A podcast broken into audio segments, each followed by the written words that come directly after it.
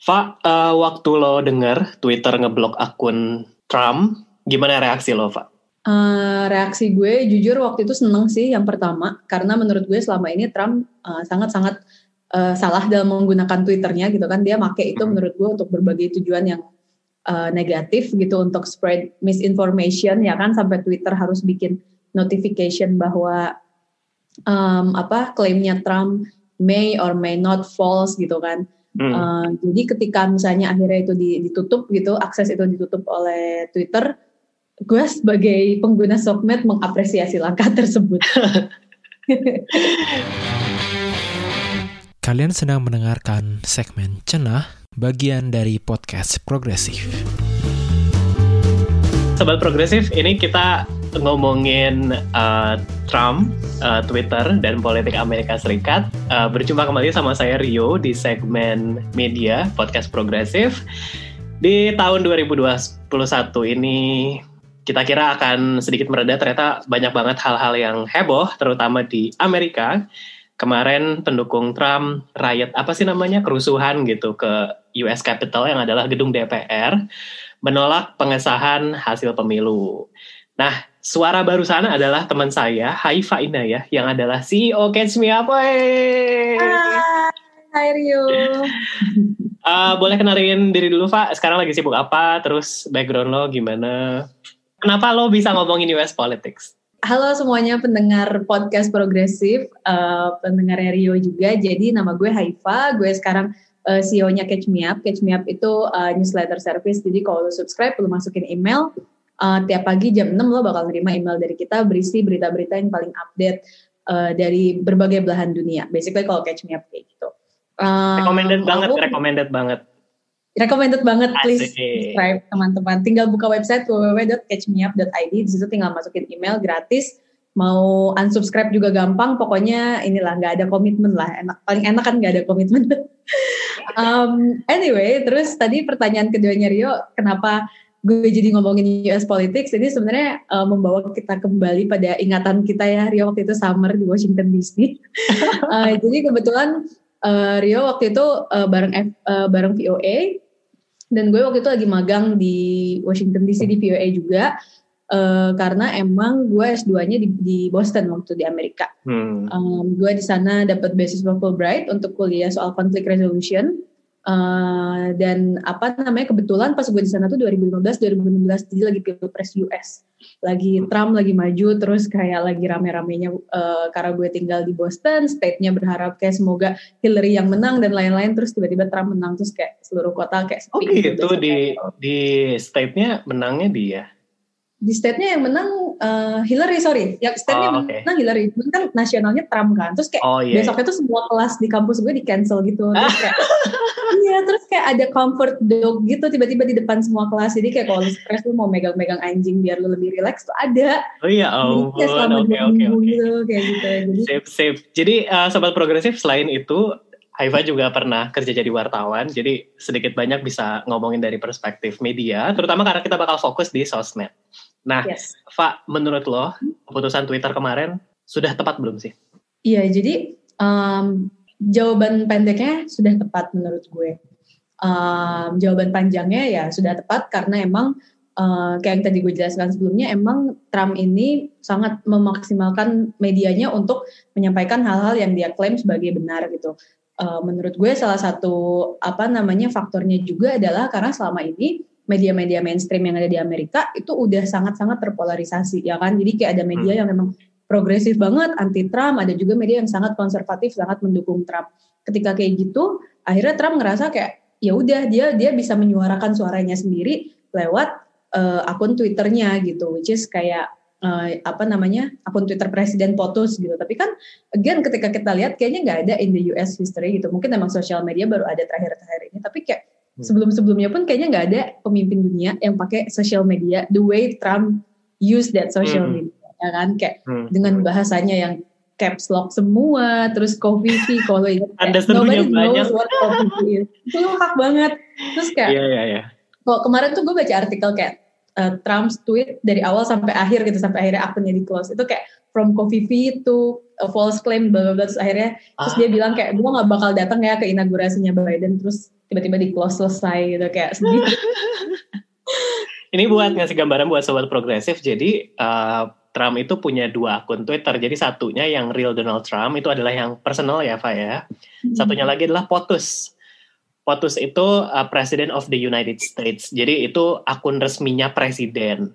Nah, tapi kalau akun resminya presiden dia nggak bisa ngomong apa-apa karena itu dikelola sama timnya. Yang rame itu yang real Donald Trump kan. Kalau nggak salah followersnya juga banyak kan yang akun pribadinya kan ya. Iya, iya, tapi gue gue nggak merhatiin si perbandingannya berapa, yeah, tapi yeah, ya yeah. somehow sure Karena Twitter, uh, karena si Trump itu kan uh, dari dulu tuh udah terkenal kan, sebelum sebelum jadi presiden tuh followersnya udah cukup banyak juga gitu. Hmm, betul. Hmm. Karena nah, dia kan kayak entrepreneurship artist slash gitu. Oh betul, di Apprentice, di Apprentice jangan lupa. Iya, di Apprentice. Pernah ada di Indonesia. Iya, iya, iya, iya. nah kalau uh, sobat progresif kemarin mengikuti berita yang gedung DPR Amerika, US Capitol kemarin diserbu pendukung Trump, uh, banyak yang bilang ini karena sosmed, Pak.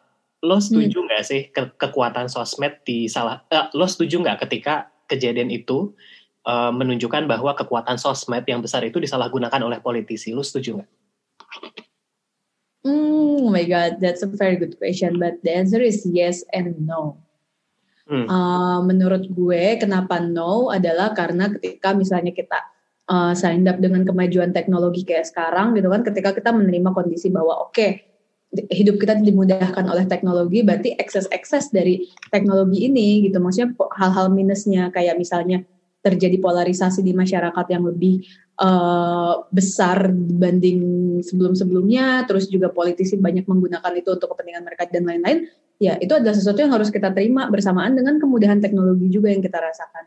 Jadi menurut gue hmm. ketika kita menerima sesuatu yang baru di hidup kita apa pun itu gitu, kayak misalnya sekarang kita menerima ini sistem demokrasi, tapi uh, ya emang kita jadi bisa berbicara secara bebas, tapi at the same time kita juga harus menerima juga seandainya uh, free speech ini juga disalahgunakan oleh pihak-pihak um, yang misalnya memanfaatkan itu untuk kepentingan mereka dan lain-lain kayak gitu. Hmm. Jadi poin gue adalah balik ke edukasi.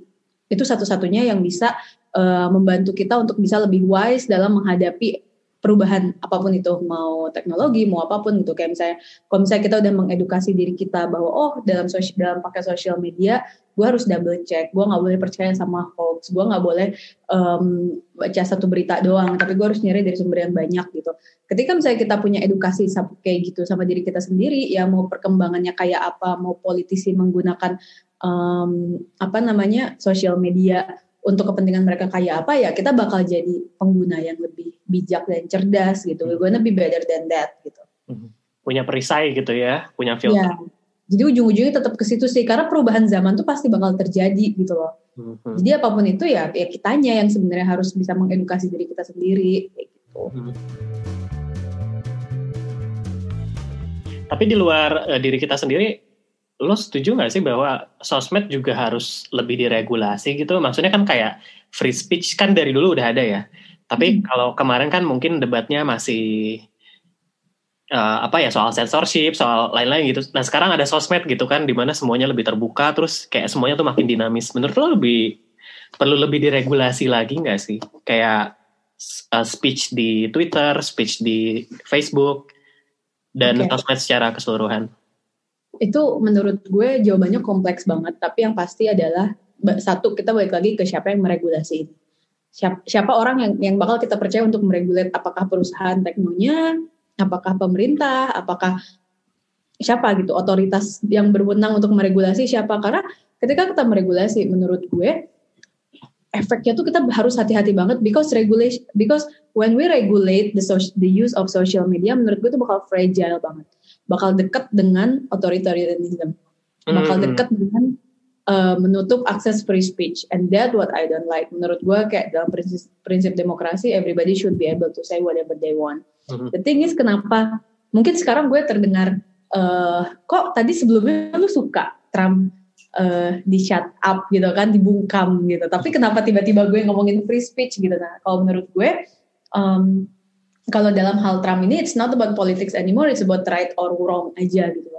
Ini orang jelas-jelas kayak menyuarakan um, apa namanya racism, racism terus uh, misinformation, hoax gitu, hal-hal yang sangat-sangat berbahaya buat kehidupan masyarakatnya gitu. Jadi ya ini udah soal right or wrong, it's not about politics yeah. anymore gitu. Ketika misalnya emang pemilunya udah benar, terus dia terus-terusan teriak bahwa ini salah ya, ya mau gimana gitu. Ini kita juga harus udah ngambil keputusan gitu, udah udah nggak bisa free speech lagi kalau dalam kasusnya Trump. Tapi again kasus Trump ini adalah kasus yang benar-benar mungkin di, di, di dunia nggak banyak gitu yang kayak gini. Ketika kita pakai alasan yang sama buat kasus-kasus lain yang yang terjadi di negara lain atau termasuk di negara kita, menurut gue uh, belum tentu apple to apple perbandingannya gitu. Hmm, hmm.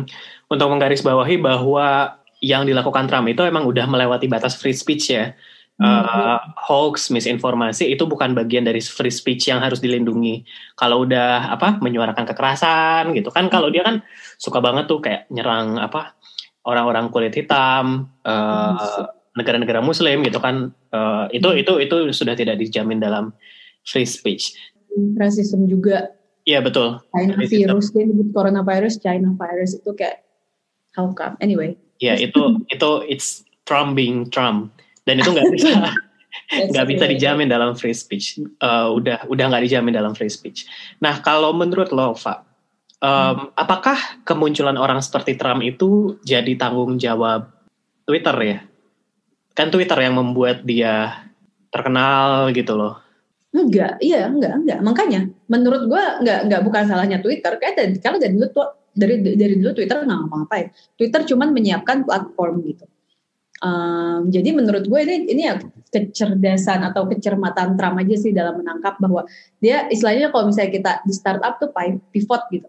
Ketika dia ngelihat misalnya dia ngomong di media tapi dipelintir mulu ya kan kalau bahasa kita wartawan dia ngomong apa pun nih sama media-media sama uh, yang liberal mungkin kayak CNN atau apa dipelintir mulu omongannya kesel juga kan. Makanya akhirnya dia sering bilang fake news fake news. Jadi udah daripada dia misalnya um, terus-terusan teriak-teriak kayak gitu udah teriak aja lanjut tapi dia pakai medianya dia sendiri. Akhirnya dia kembali lah ke platform twitternya itu. Jadi menurut gue uh, isunya nggak pernah di apa namanya nggak pernah di platformnya. Platform it's just the platform gitu cuman kayak hmm. mungkin opsi Trump untuk akhirnya dia memilih sosial media itu mungkin yang yang yang yang cermat menurut gue. Hmm, hmm. Gue tadi baca juga sih artikel di Guardian bahwa hmm. ya di balik semua kontroversinya ya bahwa kemampuan dia, skills dia untuk menggunakan sosmed itu uh, sesuatu yang baru banget dan yang nggak nggak pernah ada kan politisi yang menggunakan Twitter se kalau dibilang hebat tuh kayaknya terlalu positif ya se uh, se, se seperti dia lah breakthrough ya breakthrough uh, trail uh, apa blazing trail blazing Betul. bisa. nah, uh, Valo udah pernah dengar uh, Parler belum? Jadi sosmed ini buat buat yeah. sobat progresif nih yang belum pernah dengar. Jadi Parler itu adalah sosmed uh, yang banyak digunakan sama pendukungnya Trump. Jadi Parler ini um, dari tahun lalu sih sebenarnya udah ada ya penggunanya, tapi naik banget sampai berapa berapa juta, kayaknya udah berapa juta ya sekarang penggunanya. Itu pas kemarin pemilu AS US elections itu naik banget dan di situ udah apa ya sirkulasi misinformasi itu bebas gitu nggak nggak ada. Kalau di Twitter kan masih ditandain tuh flag di flag gitu kan red flag. Di Parler semuanya bebas gitu. Tapi Parler udah delete dari Google Play dan Apple Apple apa namanya i, i iTunes kalau nggak salah deh. Oh udah App ya. Store udah udah udah udah di blok gitu kayak jadi orang nggak bisa nge mungkin karena karena kemarin orang melihat potensinya kayak gitu ya jadi kayak selain dia di blok dari mana-mana gitu kan dari berbagai macam sosial media paralel juga kayak udah nggak bisa di sekarang which is kayak gue ngebayangin handphonenya Trump sepi banget cuman main Snake lagi balik lagi kayak Nokia zaman dulu gak ada sosmed Twitter tuh kan tempat yang terbuka ya, di mana orang tuh bisa mengkritik Trump langsung di Twitternya gitu. Bisa melihat uh, bagaimana dia uh, komunikasi sama pendukungnya lewat Twitter. Sekarang Twitternya ditutup, padahal channel komunikasi dia kan bukan cuma itu kan, masih punya hmm. Facebook groups dan dan beberapa studi kan justru menunjukkan pendukung Trump itu bukan di Twitter, pendukung Trump itu di Facebook groups yang yang tertutup, yang butuh join yang di mana di dalamnya tuh misinformasi tuh nyebar bebas gitu. Menurut lo dengan menutupnya Twitter ini pendukung Trump makin apa ya terkonsolidasi dong, makin terpolarisasi dong. Iya, sejujurnya sih ya kalau yang dari gue lihat dalam um, sejarah pergerakan apa pun itu, apakah pergerakan itu kanan atau kiri, ketika misalnya mereka makin direpresi, makin ditutup, makin dilarang kayak gitu, biasanya mereka makin makin menemukan jalan karena mereka makin merasa punya uh, emosional kolektif bahwa oh kita rakyat yang tertindas, dizolimi, ya dizolimi nih gitu. Jadi uh, malah menurut gue uh, apa namanya justru malah makin kuat gitu loh ikatannya gitu. Jadi um, itulah yang gue agak concern juga sih di sini dengan apa namanya kayak misalnya kemarin kita juga kan baru ada pembubaran um, organisasi gitu kan. Menurut gue kayak hmm. Iya, FPI. Menurut gue kayak uh, dibubarkan itu mau ngapain gitu. Cuman ya udah kita maksudnya kayak kita fokus sama Trump. Jadi Iya, menurut gue sih kayak ketika mereka punya rasa kolektif kayak gitu ya most likely mereka bakal lebih mudah bergerak. Tapi um, gue sih ngerasanya yang yang yang kita sebagai misalnya kayak yang orang progresif di Amerika lebih diuntungkan adalah karena emang si Trump ini keep going down gitu gak sih Rio? Kayak buset lu udah kalah, terus lo menyuruh pendukung lo untuk demo gitu. Sekarang tuh kayak anggota DPR dari Republikan aja udah lebih banyak yang pengen nge-impeach dia dibanding impeachment pertama, ya kan? Dia impeachment kan ini udah yang kedua. Yang Betul. pertama itu Demokrat eh Republik dari partai dia yang ngedukung cuma satu orang kalau nggak salah Mitt Romney. Nah sekarang tuh dari Republik udah banyak udah banyak gitu karena kayak uh, ini orang new low tiap hari tuh kayak ada aja new low-nya gitu loh. Jadi kayak menurut gue yang lebih yang bagus adalah kayak lama-lama Trump ditinggalkan oleh pendukungnya sendiri karena dirinya sendiri. Gitu. Kayak Pence aja sekarang udah diem-dieman sama dia. Jadi kayak mm -hmm. ya gitu. Tapi itu kan politisi politisi kan tidak tidak menggambarkan masyarakatnya kan. Kayaknya masih loyal-loyal aja ya pendukungnya tuh ya. Itu menurut gue kita lihat di 2024 sih. Dia kan katanya pengen maju lagi tuh. Oh iya. Dia Yo. sih ngomongnya gitu. Makanya kenapa uh, Kongres AS itu ngotot banget pengen bisa impeach atau penggunaan 25th Amendment. Karena kalau misalnya dia di impeach berarti kan image dia bakal apa ya ruin enough untuk, hmm. untuk running lagi gitu. Instead of kayak dia retire as a president, kayak dia masih dapat dana pensiun, masih dapat secret service, kayaknya benefitnya kebanyakan gitu. Hmm, hmm, hmm, hmm, hmm. Fa, lo kan kemarin di sosmed uh, cerita soal bagaimana media di Amerika itu terbelah ya. Ada hmm. yang uh, beritain yang progresif, yang kiri kan tetap aja uh, kritis banget terhadap Trump gitu. Sementara yang kanan, yang konservatif tetap aja ngebelain Trump gitu kan. Hmm. Dengan situasi yang kayak gini, menurut lo uh, masyarakat bisa tercerdaskan nggak sih? Udah mas sosmednya terbelah, polarisasi, yeah. medianya polarisasi. Jawaban pendeknya enggak, Rio. Rakyat tidak akan tercerahkan dengan sosial media, dengan berita, apalagi beritanya banyak kayak di kita, kayak di Amerika, enggak. Tapi kembali lagi, itu bukan tanggung jawab sosial media atau media. Itu tanggung jawab pemerintah menurut gue, untuk mengedukasi rakyatnya agar bisa lebih bertanggung jawab dan lebih terbuka matanya dan lebih teredukasi ketika menggunakan media atau sosial media. Kenapa hmm. pemerintah bisa misalnya main ngeblok-blokin kalau di Indonesia ya kasusnya, pemerintah bisa nge-take down post, nge-take down um, video yang yang mereka anggap kayak gimana gitu. Kenapa it's it's easy for them? Kenapa mereka sih harus selalu sih mengambil langkah shortcut untuk kayak ya udah take down aja, ya udah ditangkap hmm. aja aktivisnya, ya udah di di di hack aja WhatsApp berapa kali kita dengar berita aktivis WhatsAppnya dihack. Kenapa sih kayak instead of mereka melakukan hal-hal yang represif kayak gitu, yang membungkam kebebasan berpendapat, kenapa nggak kayak kalau menurut gue ya dengan prinsip demokrasi yang gue percayai dan gue pegang teguh adalah let the free speech as it is, tapi ya kita bikin pendidikan rakyat kita uh, meningkat gitu. Toh itu tanggung jawab lo juga. Kita bayar banyak uh, anggaran kita untuk uh, ke bidang pendidikan dan bikin rakyat mm, terinformasi, mereka tahu apa yang harus mereka pilih dan biarkan mereka menentukan pilihan masing-masing. Jangan dengan dihentikan kegiatannya, jangan dengan ditutup akses komunikasinya dan lain-lain. Menurut gua kayak itu cuman solusi jangka pendek yang somehow orang-orang yang terbungkau ini terbungkam ini akhirnya bakal muncul lagi karena mereka merasa terzolimi tadi. Hmm. Akan pushback, repatriate. Iya. Strike Gitu. back malah. Iya ya. Tapi tapi yang barusan kembali lagi eh, soal Trump itu bukan free speech lagi ya karena dia udah incite hatred dan lain-lain. Oke oke. Eh, Fa, eh, terakhir nih Fa.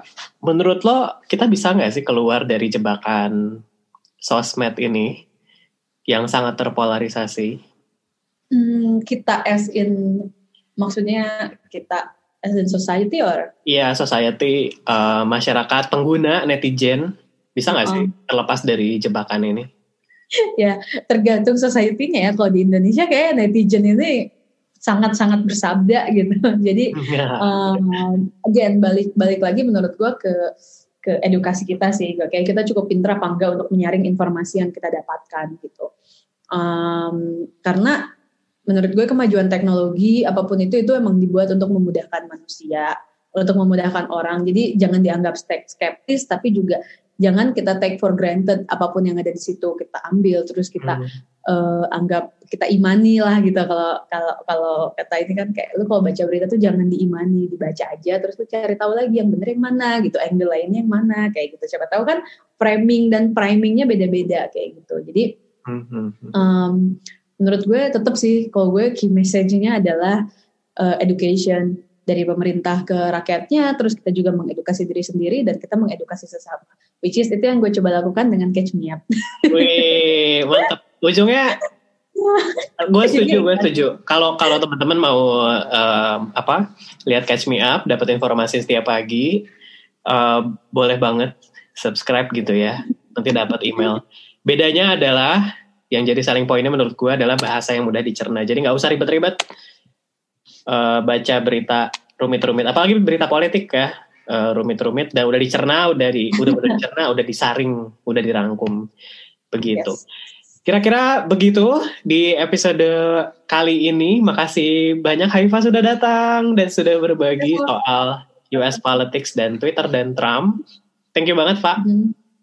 sama-sama Makasih juga udah eh, Sobat Progresif udah dengerin sampai akhir. Jangan lupa pantengin podcast Progresif yang segmen media ini akan eh, terbit setiap Kamis sore, dua minggu sekali.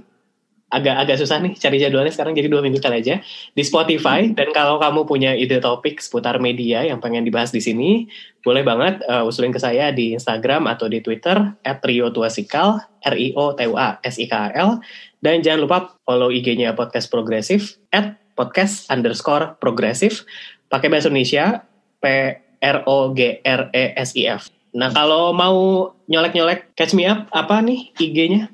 Eh, IG-nya eh, at catch me up catch me up eh, biasa eh, apa namanya in English catch me up.id titik eh, id tapi kalau itu kalau mau follow eh, social medianya tapi eh, main produk kita ada di newsletter dan itu tinggal buka di websitenya aja www.catchmeup.id Eh, nanti di situ tinggal masukin email habis itu udah langsung terdaftar emailnya terkirim tiap hari tiap jam 6 pagi Senin sampai Jumat Mantap. Thank you banget sekali lagi, Pak.